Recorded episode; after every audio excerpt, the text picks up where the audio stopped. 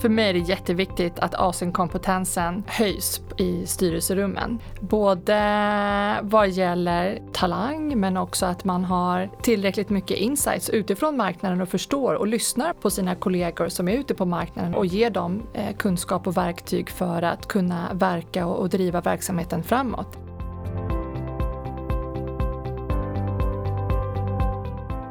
Varmt välkommen till Konkurrenskraft, podden där vi pratar om framtidens beslutsfattande, verksamhetsstyrning och ledarskap. Jag som håller i samtalen heter som vanligt Robin Askelöv och är marknadschef på Hypegen, ett eh, techbolag inom just beslutsstöd och verksamhetsstyrning. Och det är ju Hypegen som ger ut den här podden. Från och med det här avsnittet så gör vi en, en liten spännande förändring i poddens upplägg. Ni som har varit med ett tag, ni vet att eh, hittills har vi varit tre personer i studion förutom mig själv och eh, avsnittets gäst har vi också haft med författaren, forskaren, föreläsaren Ari Riabacke. Han har varit experttyckare i varje avsnitt och det är någonting som jag själv har tyckt varit superhärligt och han har ju gjort det med den äran på ett väldigt uppskattat sätt. Men eh, från och med det här avsnittet så testar vi en liten justering som ger lite mer fokus på gästerna och eh, alla deras erfarenheter. Och sen får vi se, jag misstänker att Ari kommer göra några gästspel i avsnitt som kommer även framöver. Och eh, med det sagt så i varje avsnitt så träffar vi alltså en gäst med en massa erfarenhet och kunskap från sitt yrkesområde. Och eh, just i det här avsnittet så tänkte jag att vi skulle prata om Asien och influenser från inte minst Kina, Japan, Korea och eh, andra länder i den regionen. För det är faktiskt någonting som berör oss alla, inte minst om man tittar framåt i tiden. Och med mig idag så har jag Marie Claire Maxwell Eh, världens längsta titel, eh, Head of Technology and Startup Lead, eh, Asia Pacific på Business Sweden. Varmt välkommen Marie Claire! Stort tack för det. Verkligen, verkligen kul att få vara här och ge ett litet Asienperspektiv eh, i Sverige. Ja, men superkul. Och eh, du har en spännande bakgrund. Jag tänkte att du skulle få berätta lite själv. Du började ju på eh, Ericsson i, eh, i Beijing, Peking och jag vet att det blev en tio år sådär i Asien. Men kan du berätta lite själv kort sådär, hur, hur har din resa sett ut och hur har du hamnat där du är idag? Ja, ja men tack. Eh, jo, det var ja, tio veckor på, på Ericsson uppe i Peking. Eh, hamnade verkligen mitt i dotcom-eran och, och, den, den starten. Så jag hade första Starbucks och, och allt sånt i, i Peking snarare mm. än någon annanstans. Eh, flyttade snabbt ner till Hongkong för att kunna starta ett bolag. Bodde där i tio år och eh, flyttade sen hem runt eh, 2010 och eh, blev väl en utav Asia to go to personerna i eh, startup-ekosystemet mm. som mm. verkligen började bubbla och bli mer internationellt. Mm. Många tittade mer mot Silicon Valley av, av naturliga skäl och jag försökte flagga för andra områden som Shenzhen och Tokyo och Sydkorea. Mm. Och eh, försökt att få fler att, att styra eh, kursen åt det hållet. Mm, spännande. Och om man tittar på din roll eh, med den här långa titeln, vad, vad gör du sådär, rent konkret på dagarna? Ja, jag jobbar på Business Sweden mm. som är en eh, organisation som är hälften statligt ägd och eh, hälften utav näringslivet. Mm. Och eh, vårt eh, uppdrag är att hjälpa svenska företag och, och eh, växa internationellt och locka investeringar till Sverige. Så eh, i mitt, eh, i mitt dagliga jobb så eh, framförallt att få tech och startupbolag att blicka österut. Att se vilka marknader där som är intressanta för dem mm. och inte minst också se till att de får de investeringar och de nätverk och kontakter som de behöver för att kunna lyckas. Mm. Innan vi drar igång, några, några snabba frågor som jag brukar ställa till, till alla gäster och sen så kommer vi komma in på ganska många olika perspektiv tänker jag. Jag, jag har ju en, en jättelista med frågor, vi får se hur många vi hinner med. Ja, ser fram emot det här, ja. helt klart. Ja, men så här, jag tänkte vi börjar bara, bara en snabb fråga. När, när har du som, eh, som roligast på jobbet? Ja, jag har ju verkligen förmånen att tycka att mitt jobb är, är superkul. Så att eh, bara det är ju är roligt att man tänker så här, thank God it's Monday, mhm. snarare mm. än att det är thank God it's Friday. Mm. Men eh, att få hjälpa entreprenörer och eh, tech och startupbolag in på nya marknader i Asien som kan eh, tyckas väldigt utmanande. Det är att vara så hands-on i det arbetet, att förstå hur ska det gå till, hitta rätt partners och, och rätt aktörer för att verkligen eh, hitta fram till till den bästa eh, initiala stegen. Mm. Samtidigt också så har jag förmånen att få jobba med många svenska etablerade storbolag. Mm. Och att eh, ta med dem på, på inte bara affärsresor men kanske andra resor eh, där de får träffa aktörer som kommer att påverka deras industri på ett sätt som de kanske inte hade tänkt sig. Mm. Eh, det tror jag är nästan ännu, ännu roligare. Just där att eh, det är innovationer, det är företag som de aldrig hört talas om. De har aldrig mm. sett loggan, de vet inte vilka de är. Mm. Men inser att wow, det är det här företaget som kommer att vara min viktigaste partner mm. eller konkurrent framöver. Mm. Det låter som att du har kul på jobbet helt enkelt. Ja, absolut. Om man tittar tillbaka senaste året, kan du peka på någonting som du känner att du är extra stolt över? Ja, men vi har också blivit duktigare på att jobba nordiskt mm. eh, ute i Asien och det tror jag är någonting som vi behöver göra för att sätta den här regionen på kartan eh, i den liksom, globala konkurrensen mm. och inte minst också i olika konf konflikter och handelskrig som gör att den här regionen har någonting speciellt att komma med. Mm. Inte minst också vår, vår genderpolitik och, och sustainability och de här FN-målen som, som vi trycker på så mm. hårt. Här har vi mycket att komma med och inte minst i, i Asien. Så att vi har satt upp eh, två nordiska innovationshus mm. i Singapore och i Hongkong som täcker Greater Bay. Så nu finns det också i, på öst och västkusten i USA. Mm. Och framöver även eh, så kommer ett i Tokyo. Mm. Så det här är ett sätt för, för Business Sweden att vara mer rotade på, på marken mm. för att ha ett nätverk och en, en kompetens som är intressanta för, för eh, de nya bolagen i Sverige. Mm. Jag tänker det här med, med inspiration. Eh, nu är du här och ska, ska dela med dig, kan inspirera många som lyssnar. Var, var hämtar du din egen inspiration någonstans? Ja, eh, jag tycker att idag så har man ju otroliga möjligheter alla att, att lyssna på TED-talks och, och, rapporter och så. Men, men jag skulle nog vilja gå tillbaka till eh, mänskliga samtal och, och att försöka träffa människor i vardagen mm. som, som, du inte har, eh, som du inte skulle kunna komma i kontakt med annars. Mm. Jag, bara nu till frukost till exempel så har jag en, en 15-årig utbytesstudent ifrån Peking okay. och vi har ju hunnit avhandla en hel del saker bara till frukostbordet med mm. mina tre grabbar. Mm. Så att jag tror att både från den yngre generationen men också från vad ska vi säga, helt andra walks of life. Mm. Det tror jag är viktigare än att bara hänga med sina vanliga, eh, kanske på samma nivå eller samma kollegor mm. eller att försöka titta uppåt och inspireras. Mm. Kanske snarare mer on the ground och mm. från yngre uh, för att förstå vad det är jag behöver vara för att hjälpa både storbolag men mm. också de här innovativa bolagen som ska sälja till de här Där är man inne mer på att förstå andras perspektiv ju. Och mm. det kan du göra på ett helt annat sätt i den typen av samtal. Okej, då tänkte jag att vi ska komma in lite mer på, på frågorna eh, ja. eh, kopplat till, till det du gör på dagarna. Och eh, jag tänkte, du, du började ju med att prata lite om det här med, med Business Sweden, din, eh, din roll där och vad ni gör på, på dagarna. Eh, om man tänker svenska företag som ska in i och då, då, får vi säga någonstans den här regionen och då, då pratar vi väl i praktiken väldigt mycket Kina, Sydkorea, Japan. Jag inser att det är stora skillnader mellan de, de marknaderna också. Men går det ändå att säga någonting om vilka som är de största utmaningarna som du ser för svenska företag som ska in i den här regionen i sin verksamhet? Mm. Absolut, Kina har ju kanske varit un, under lång tid. Vi har ju stora svenska bolag som har varit där i över hundra år så att vi har ett fantastiskt track record och, och Sverige är ju ett, ett känt land i både i Kina och i Japan. Vi har mm. varumärken som gör att vi kan falla tillbaka på. Både från industrisidan till konsumentbolag mm. och det är ju någonting som, som liksom nästa våg kan, kan falla tillbaka på vilket mm. är, är otroligt bra. Eh, men sen att nu växa vidare till Japan, Korea men inte minst eh, Sydostasien. Mm. Där vi ser också hur Kina expanderar söderut om vi säger så, mm. eh, snarare än kanske globalt på andra områden. Så att eh, de största utmaningarna egentligen skulle jag vilja säga att vi, vi är fast i ett, ett, traditionellt tänkande när vi, när vi expanderar.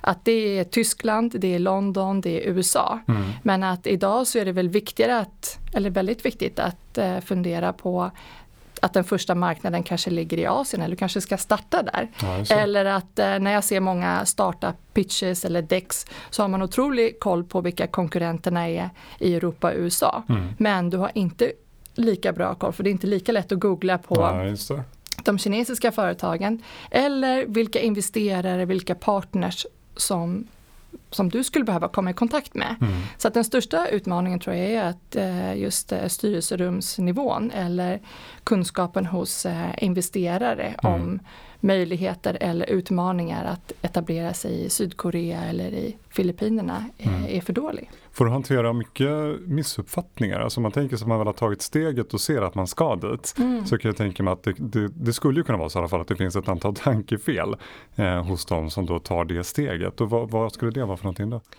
Men jag tror att det är ju många som kanske eh, fastnar i, i liksom gamla föreställningar om hur det var att gå in på den kinesiska marknaden jämfört med att och titta på den idag. Mm. Eh, det är ju ett otroligt stort land eh, så att, att bara att tala om det som en, en strategi mm. för Kina när det kanske är, du börjar i Shanghai och sen så får du iterera för att hitta hur, hur ditt företag ska agera i hela den stora ja, marknaden mm. kan se väldigt olika ut.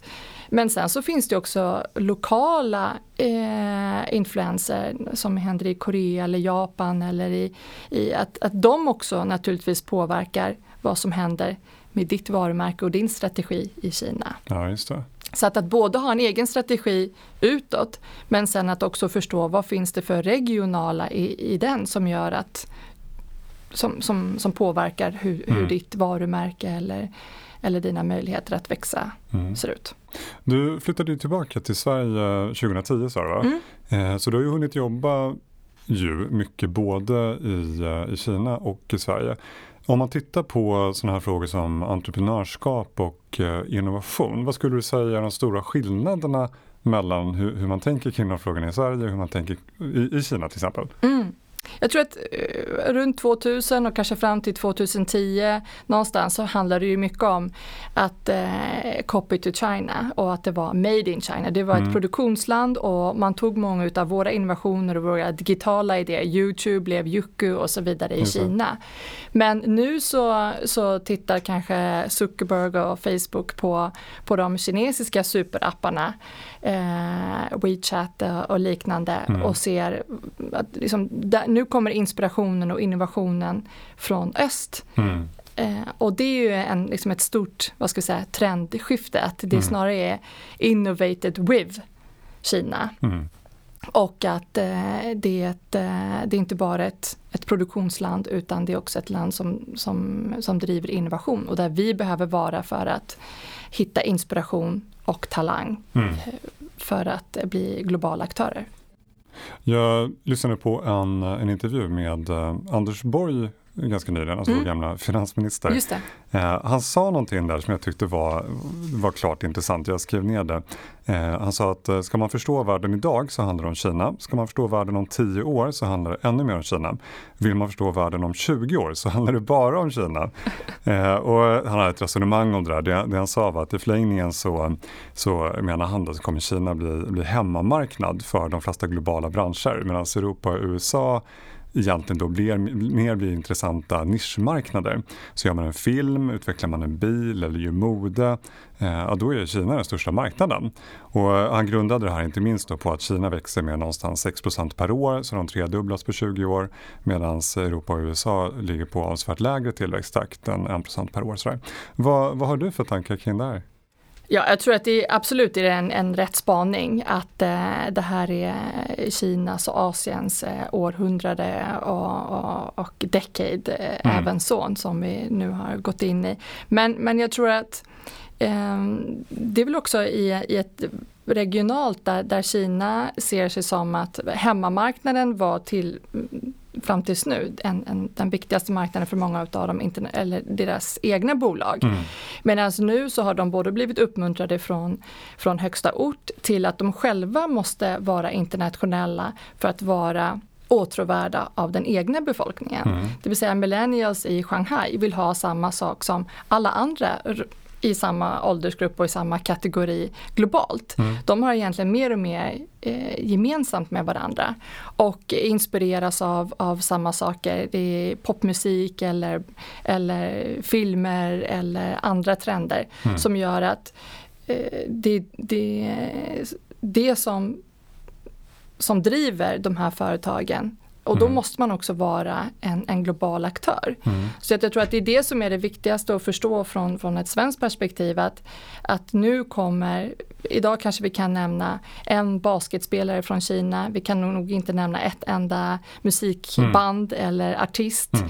Men det har börjat i Korea, ja, japanska spel, och anime har varit känt länge. Mm. Nu går vi från sushi till soba-nudlar. Mer och mer mm. eh, att vi får influenser på, på många områden i Asien. Som också gör att både kompetensen och att vi blir mer och mer intresserade mm. av den här regionen. Så det är både ett intresse för regionen, att vi kommer lite djupare mm. som, som drivet av vår egen nyfikenhet, till att de också går globalt för att vara eh, lokala men också för att nå nya målgrupper. Mm. Det här är rätt intressant, eller rätt intressant, det är superintressant. Jag, jag tänker ju mycket på de här sakerna också kopplat till populärkultur. Du, du är ju lite inne på det. Uh, jättespännande exempel från, från 2019 tycker jag är den här filmen Wandering Earth. Ja. Uh, som, som ju är kinesisk och som ju Netflix köpte in under 2019. Och det är ju kanske inte alla som har hört talas om den här filmen men det är ju en av världens största filmer 2019. Den eh, drog in på bara två veckor över en halv miljard dollar. Mm. Nu är alltså på nivåer som, som är på liksom, de, de största Avengers-filmerna, de som toppar ja. listorna över mest intäkter. Och då tänker jag i kombination med, eh, om man tar sådana som jag har nämnt, då, WeChat och TikTok och andra sådär, så, så kan man ju tänka sig just att Kina just får den här ökade influensen på väst. För historiskt har vi ju fått väldigt mycket av den amerikanska livsstilen serverad. Där har ju Hollywood varit den här drömfabriken som levererar den amerikanska drömmen. Där får vi mode, vi får musik, vi får också sådana saker som dramaturgi, alltså hur man berättar saker, mm. vad, alltså olika typer av symboler, hjältar och sådär. Exakt. Tittar man nu i framtiden där jag tycker den här Warning Earth är, är klart intressant är ju att vi ju, kan ju tänka sig framöver kommer få mer av en en kinesisk dramaturgi, kinesiska symboler, kinesiska hjältar och så vidare. Och då tänker man i förlängningen att vi verkligen potentiellt kan påverkas. Om man då flyttar över det här till företagsperspektivet, mm. vad tänker du där? Hur tror du att företagsledare, sådana som driver bolag, organisationer, verksamheter i Sverige och i väst. Hur, hur kommer vi påverkas om man tittar framåt? Alltså, Kina har ju påverkat oss om vi, om vi går tillbaka 300-400 år när vi åkte med skepp för att hämta hem siden och, och teer. Och, så att det, det är inte eh, det är inte så länge sedan ändå som Kina var en, en global stormakt som, mm. och att vi hämtade inspiration och produkter och tjänster och idéer från, mm. det, från det här området. Sen har det ju varit USA-dominerat och Europa och nu kommer Kina in i en, en, ny era som är mer då digital kan vi säga. Mm. Som, precis som du nämner med, med TikTok och, och andra typer utav av innovationer. För kan vi säga att teknologigapet har väl minskat. Så att det är ju snarare att eh, jag tror vi ser nya affärsmodeller just för att man inte har haft ett, eh, har liksom inte en legacy. Man har inte gamla fabriker som man mm. behöver betala av sig. Mm. Du kan gå in på, på och bygga helt nya företag på kort tid. För också med tack vare att det, är så, det blir en sån, sån mängd data och så många människor som du kan iterera vidare på. Mm. Och eh, jag tror att det är väl det som i hela det här AI-kriget eller i, i, i, i många situationer där vi försöker att förstå hur ska vi kunna konkurrera mot antalet kinesiska studenter som, som lämnar högskolor? Eller hur ska svenska företag kunna eh, stå sig i konkurrensen. Mm.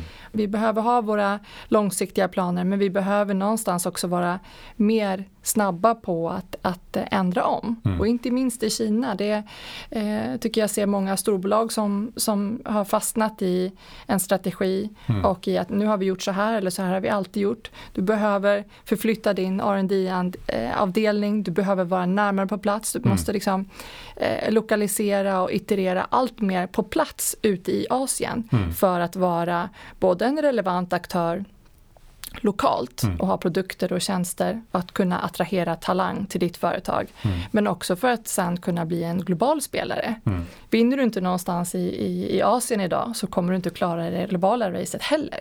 Det hörde jag faktiskt, det var tillbaka till eh, Anders Borg, det var också en mm. intressant spaning han hade. Att, eh, tittar man på Kina så en av anledningarna till att de utvecklas så snabbt är den mycket större mängden välutbildade unga personer Eh, men också att när de väl går in i bolag, de växer snabbare generellt eh, därför att det är en mycket större marknad, inte minst. Men sen också att de som lyckas i mycket högre utsträckning återinvesterar pengarna i nya startups mm. jämfört med i väst där det finns just mer ärvda pengar och att de i högre utsträckning går till exempel till fastighetssektorn för mm. investeringar. Eh, Sverige är ju lite ett undantag för här, här är det ju trots allt mycket så att eh, de som har gjort en, en exit och, och gjort en hacka återinvesterar väldigt mycket i, i startups här i Sverige. Ja. Men det tyckte jag var en intressant reflektion bara att det var en del av förklaringen. Eh, precis, och jag, det tror jag absolut. Samtidigt så, så är det ju fortfarande att, att ha property för väldigt många är en säkerhet. Så att eh, någonstans så är det kanske ett mål på din, din personliga resa är ju att, ha, att äga eh, och, och, det är ju någonting som vi kanske tar för givet här. Därav mm. att vi kan gå vidare i, i andra typer av investeringar. Mm. Men absolut, det börjar ju finnas fler och fler som kan investera i andra typer av bolag även, eh, även i Kina. Då har det blivit dags att gå vidare till eh, nästa segment och det är ju den här som kommer tillbaka i varje avsnitt, eh, boktipset, där jag alltså har eh, vaskat fram en bok som jag tycker passar i sammanhanget och då är det ju framförallt facklitteratur vi pratar om. Den här gången så är det Driven by Difference av David Livermore. Han är konsult, författare, driver tankesmedjan Culture Intelligence Center i Michigan i USA och Ehm, ja, han har utbildat chefer i hundratal olika länder och han reser konstant runt jorden. Och ehm, det han tittar på i den här boken det är ju mycket forskning och eh, koppling mellan mångfald och innovation där han konstaterar att eh, det inte nödvändigtvis finns något orsakssamband.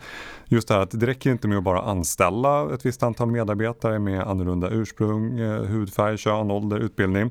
Utan mångfald är då enligt honom ingen garanti för vare sig nytänkande eller resultat. Även om ju innovation kräver att man ser problem från många synvinklar. Det som är poängen här det är ju att eh, han, Livermore han förordar såklart inte att man inte ska ha mångfald. Eh, däremot så konstaterar han att eh, poängen med, med allt är ju att man måste jobba med det medvetet och de som gör det, de får stora vinster för då kan man dra nytta av eh, olikheterna.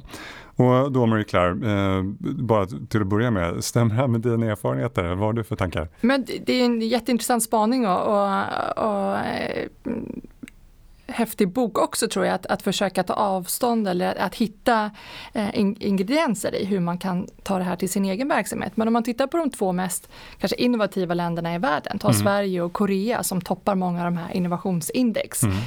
Eh, det är ändå ganska olika eh, affärskulturer, olika storbolag. Eh, tittar man på marknaderna, vi är en liten marknad, det är en stor marknad.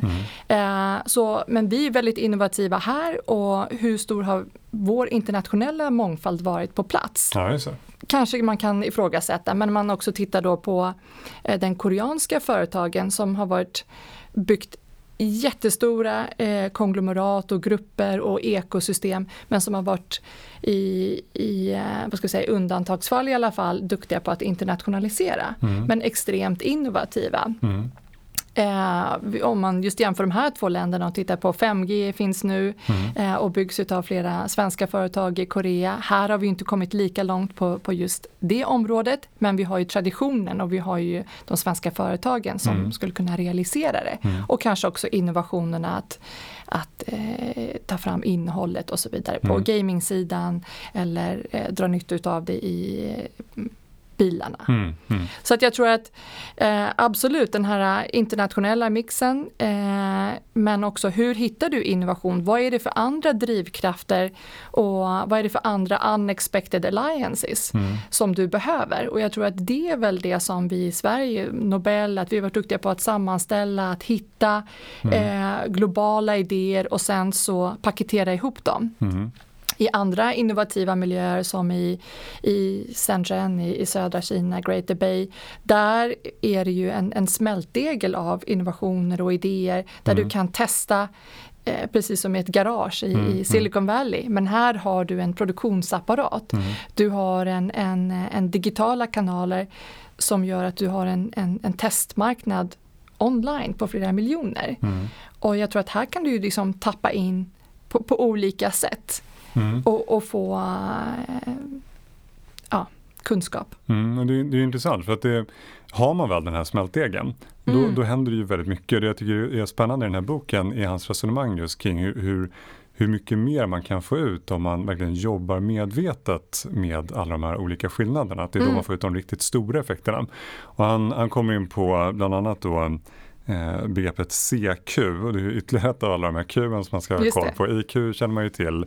EQ, ja, eh, apropå, Jack Ma älskar ju att prata om EQ. Ja, och den apropå din, din kinesisk utbytesstudent där hemma och förstå perspektiv, alltså det här med att faktiskt kunna relatera till andra människor och så vidare. Mm.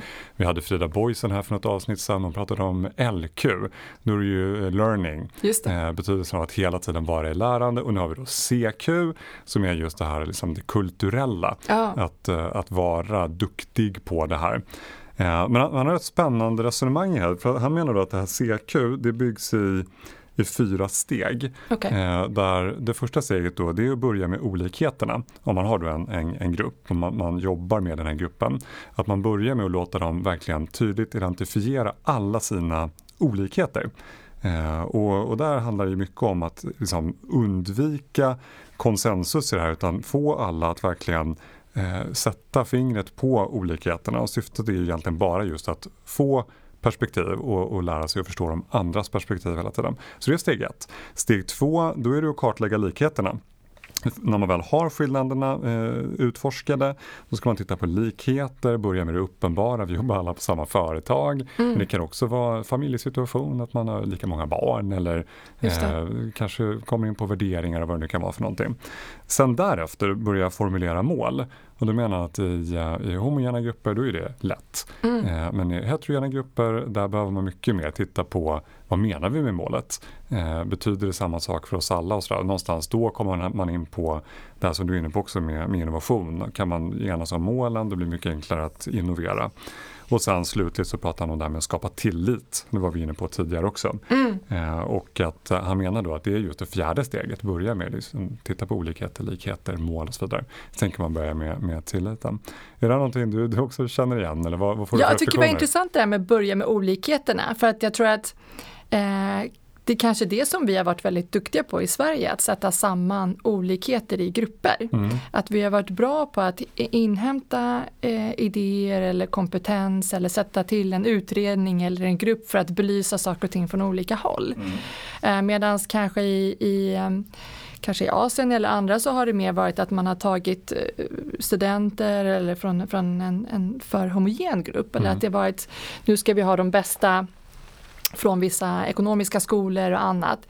Att, eh, att det de verkligen behöver kopiera och förstå att för att de ska vara innovativa och eh, spännande och, och eh, klara av att eh, bli ha en mer kreativ eh, process och arbetsmiljö mm. är att berika sina team. Mm. Så att jag tror att det beror på vilket håll man kommer ifrån här. Ja, vilket är det vi behöver lära oss? Och sen så, så ser jag ju bara på den här 15-åriga killen tillsammans med min 14-åring. Vi mm. är ju mer lika. Mm. Men vi satt och pratade om, om eh, att man inte fick ha mobilerna på, på, på matbordet mm. när vi satt och åt frukost. Mm. Ja, det säger min mamma också. Men egentligen så är det ju hon som som använder den mest. Ja, ja och då så retade ju mina barn mig också ja, att ja, ja, så är det här också. En, eh, bara en sista reflektion kring, kring den här boken. Mm. Eh, han, han hänvisade till en, en annan forskningsstudie eh, studie, där eh, olika chefer hade fått svara på vilken typ av mångfald som de tyckte var svårast eh, och viktigast att hantera på sina arbetsplatser. Ja. Eh, och då så i den här forskningen då så sa de asiatiska cheferna de, de valde att eh, köns och åldersskillnader var svårast. Centralafrikanska svarade språk och religion. Nordamerikanska svarade ålder och i Europa och Mellanöstern så tänkte cheferna på etnicitet och religion. Mm. Eh, vad är dina tankar kring det? Det stämmer också med, med dina spaningar? Ja, så den största utmaningen eh, i, eh, vad ska vi säga, i många både i storbolag men också i entreprenörsvärlden i, i Asien är ju att få in fler kvinnor. Mm. Det, det, är ju samma sak som kanske här också. Mm. Men jag skulle säga att det är ett ännu större problem att också få tillbaka, sven, eller få tillbaka kvinnor till jobbet efter familjebildningen. Ja, det är ju inte lika stort problem här tycker jag. Mm. Men, men du ser ju alldeles för få på C-level eller på högre eh, positioner ute i Asien jämfört med här. Mm. Och det är ju någonting som, som jag tror, eh, är, man är medveten om det, mm. men för att bryta trenderna, det krävs ju väldigt mycket. Vi har haft mm. metoo här, i Japan är det kuto, där mm. du fortfarande måste ha eh, klackar på jobbet. Alltså vi, ut, ja, vi, har ju, vi har olika olika utgångspunkter här och, och, och, samtidigt så tror jag att vi har mycket att lära i form av respekt och, och mot både äldre och mot traditioner och mm. historia mm. och, och liksom legacy som, som kan vara något positivt, inte mm. nödvändigtvis negativt. Nej, så att eh, alla ni som uh, tycker att det här låter intressant kan verkligen rekommendera Driven by Difference av David Livermore. Och med det sagt så har det faktiskt blivit dags att uh, runda av. Mm. Och uh, någonting som jag avslutar alla de här intervjuerna med det är några Eh, sammanfattande eh, frågor eh, som handlar om just beslutsfattande, verksamhetsstyrning och ledarskap och titta framåt. Och Marie Claire då, sett från ditt perspektiv och allting som, som du gör på dagarna, vad skulle du säga är framgångsfaktorn för framtidens beslutsfattande? Ja, jag måste ju då säga att eh, för mig är det jätteviktigt att, att Asienkompetensen höjs i styrelserummen. Mm. Både vad gäller eh, liksom talang men också att man har tillräckligt mycket insights utifrån marknaden och förstår och lyssnar på, på sina kollegor som är ute på marknaden och, ha, mm. och ger dem eh, kunskap och verktyg för att, att kunna verka och, och driva verksamheten framåt. Det mm. kanske är där vi ska hämta innovationer och idéer som vi ska ta globalt och hemåt. Om man tittar på verksamhetsstyrning då, det här med att styra verksamheter, eh, nyckeln till det i framtiden, vad, vad skulle du säga där? Ja, jag, jag, tror att de flesta, kanske i alla fall här i Norden, har, har de här FN-målen som, som någon sorts North Star. Mm. Och, och, det kanske inte har kommit än för alla företag i Asien och det kanske är det som också skulle, kan vara vår differentiator, det som mm. gör att vi fortfarande kan ha de här ledande positionerna. Mm. Att eh, det är väldigt nära oss, det är nära att vi står med en, liksom en fot i, i urskogen eh, och en sko, liksom, i framtiden här. Mm. Eh, så det tror jag är väldigt viktigt. Sen så är det ju en, ändå en, en, en turbulent och, och värld. Mm. Så att, att ha långsiktiga planer men, men att vara duktig på att iterera eh, kortsiktigt. Mm. Eh, och inte minst kanske i Asien där det går otroligt fort. Man pratar ju ofta om China speed och Central speed. Mm. Men vad innebär det egentligen? Har man satsat för mycket pengar åt ett håll så mm. är det ju svårt att, att kanske då hinna styra om. Och då måste man ju ha både eh, personal och mandat att agera mm. snabbare mm. Eh, och annorlunda. Om man tar en närliggande fråga då, eh, mm. ledarskap och tänker nyckeln till framtidens ledarskap. Eh, vad, vad skulle du säga där? Det är relaterat till båda de här, att jag tror att liksom värdedrivet och att work with a purpose, även om det för många eh, har varit att tjäna mer pengar i Asien, att mm. du har fortfarande på den, den skalan att du, du går till jobbet för att kunna tjäna mer, men framöver och vi ser det mer och mer att det är inte värt att bränna ut sig. Det är mm. inte värt att inte kunna ha eller få en familj mm. för att, att bara eh, arbeta och tjäna mer pengar. Mm. Utan att också kunna komma ut i naturen, kunna resa eller ha mer tid med din familj är mm. viktigare. Men jag tror att de svenska företagen har nog kommit längre i det här.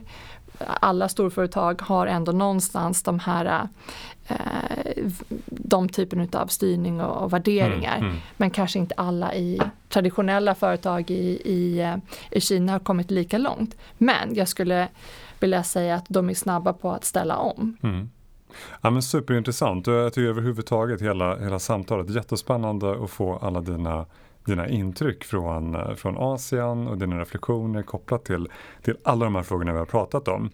Men Jag tänker, trots att jag skulle vilja sitta och, och prata så mycket mer om de här spännande frågorna, så, så rundar vi av där. Mm. Eh, och eh, till alla er som lyssnar, så som jag brukar, vi bara avsluta också med att eh, tipsa om att gå in på hypegen.se Eh, där finns det mer information kopplat till beslutsstöd och verksamhetsstyrning som ju vi håller på med. Och eh, jag ska faktiskt också skicka ett litet meddelande från en partner, Dagens Industri. Eh, om du är controller och lyssnar och vill få mer koll på trender och utveckling så kan jag verkligen rekommendera konferensen DI Controller som Dagens Industri arrangerar den 19 mars på Grand Hotel i Stockholm. Eh, vi på Hypegen vi är huvudpartner där och eh, om du går in på hypegen.se controller då kan du också ta del av ett litet erbjudande där för då får du 30% eh, rabatt på anmälningsavgiften så det är ett litet tips. Men med de orden, Marie Claire, så stort tack för att du kom. Stort tack själv och glöm inte dag. att titta österut nu allihopa. Ja, absolut, det tar vi med oss allihopa. Och alla ni som lyssnar, tack så jättemycket och på återhörande. Hej då. Hej då.